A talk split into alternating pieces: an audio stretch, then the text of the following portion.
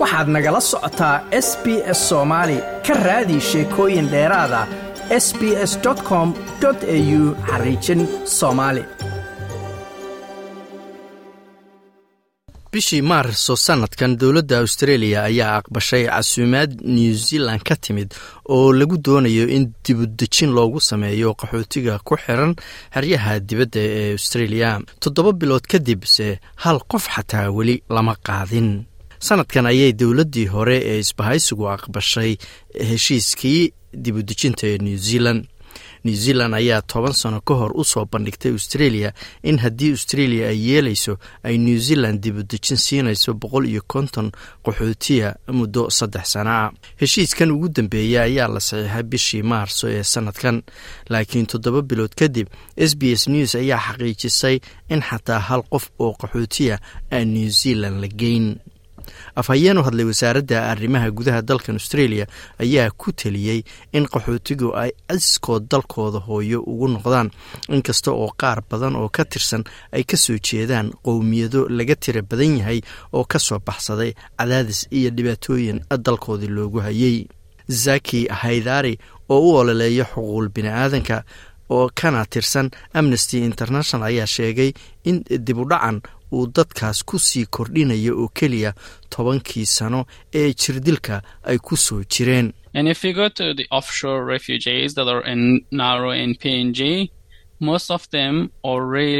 haddii aad u tagto qaxootiga xeryaha dibadda ku jira sida nauru iyo babuni guinea. Intooda badan runtii waa xanuunsan yihiin oo dhanka maskaxda ayay ka jiran yihiin. dhib badan ayay soo mareen. xaaladoodu ma degana tobankii sano ee u dambeeyey ayaa la jir dilayey mana aha oo keliya dowladda cidda jirdilaysay ee waxaa sidoo kale jir dilayey shirkadihii qandaraaska ku qaatay inay xanaaneeyaan dadkaasi.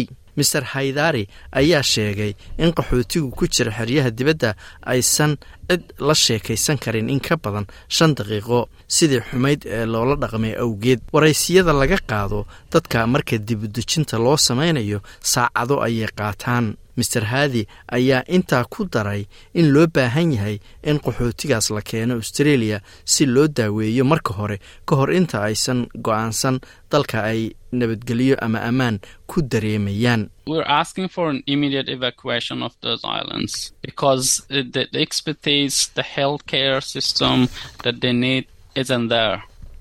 waxaan codsanaynaa in si deg dega dadkaasi jasiiradaha looga soo daadgureeyo sababtoo ah khibradda iyo xanaanada caafimaad ee ay u baahan yihiin halkaas ma ay taallo. Australia awood ayay u leedahay iyada ayaana ka mas'uula dhaawaca dowladdu ay dadkaasi u geysatay. Sidaas darteed waa in qaxootigaas ay u fidisaa xanaanada ay u baahan yihiin. Ka hor inta aysan dooran meesha ay rabaan inay aadaan ama degaan. S b s ayaa fahamsan in qaxootiga new zealand la dejinayo oo qayb ka noqda heshiiskan inaysan mar dambe australia soo degi karin. Arrintan ayaa sidoo kale saameynaysa kuwa ku sugan nauru iyo babuni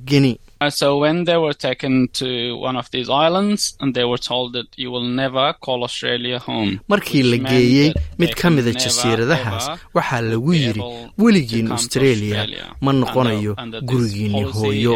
taas oo macnaheedu yahay inaysan weligood abid australia iman karin sida ay qoraysay siyaasadda dalka. marka sannadihii hore waxaa lagu khasbeeyey inay ku noqdaan dalkii ay ka yimaadeen.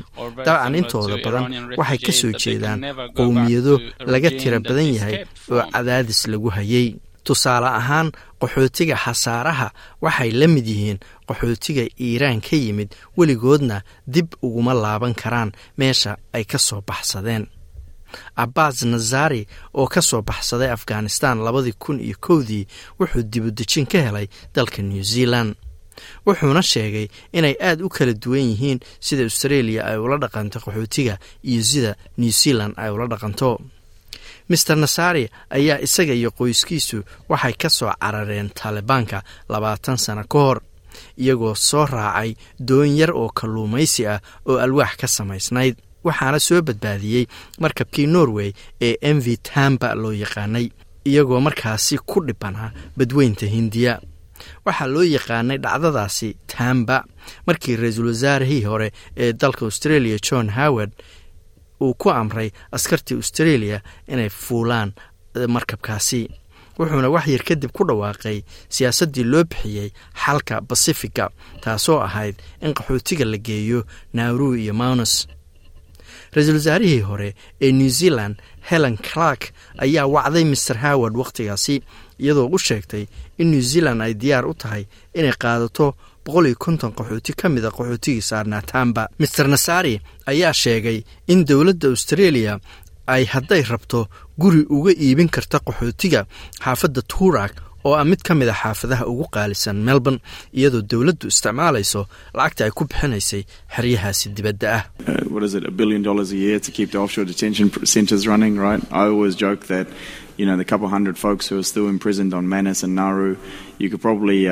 Waxaa ku baxayay bilyan dollar sanadkiiba in xeryahaasi dibaddu ay furnaadaan oo dadkaasi lagu hayo. waxaan mar kasta kula kaftami jiray dhowrka boqol ee weli ku xiran maunus iyo nauru. guryaad uga iibin kartaan tuurak mushaarna waad siin kartaan. taas ayaana idinka jaban inaad xeryahaasi ku haysaan. Waa waali waa siyaasad waali ah oo weli lagu dhaqmayo. Haddana waxay u isticmaalayaan sidii xeryo la geeyo dadka la tarxiilo. Marka weli lacagtu waa ay ku socotaa ayuu yidhi wuxuu sheegay inay laba wajiilanimo tahay in australia ay farta ku fiiqdo tacadiyada xuquuqul bini'aadanka ee dalalka kale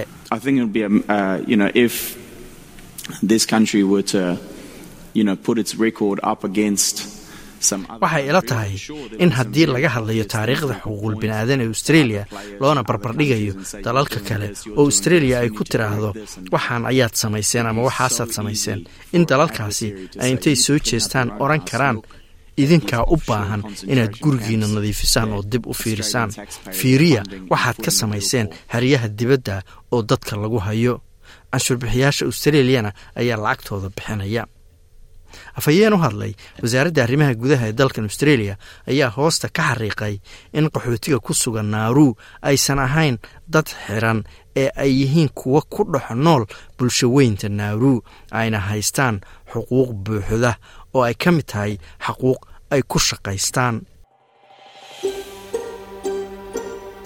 Ma doonaysaa sheekooyinkan oo kale ka dhegayso apple podcast google podcast spotify ama meel kasta oo aad bodkastigaaga ka hesho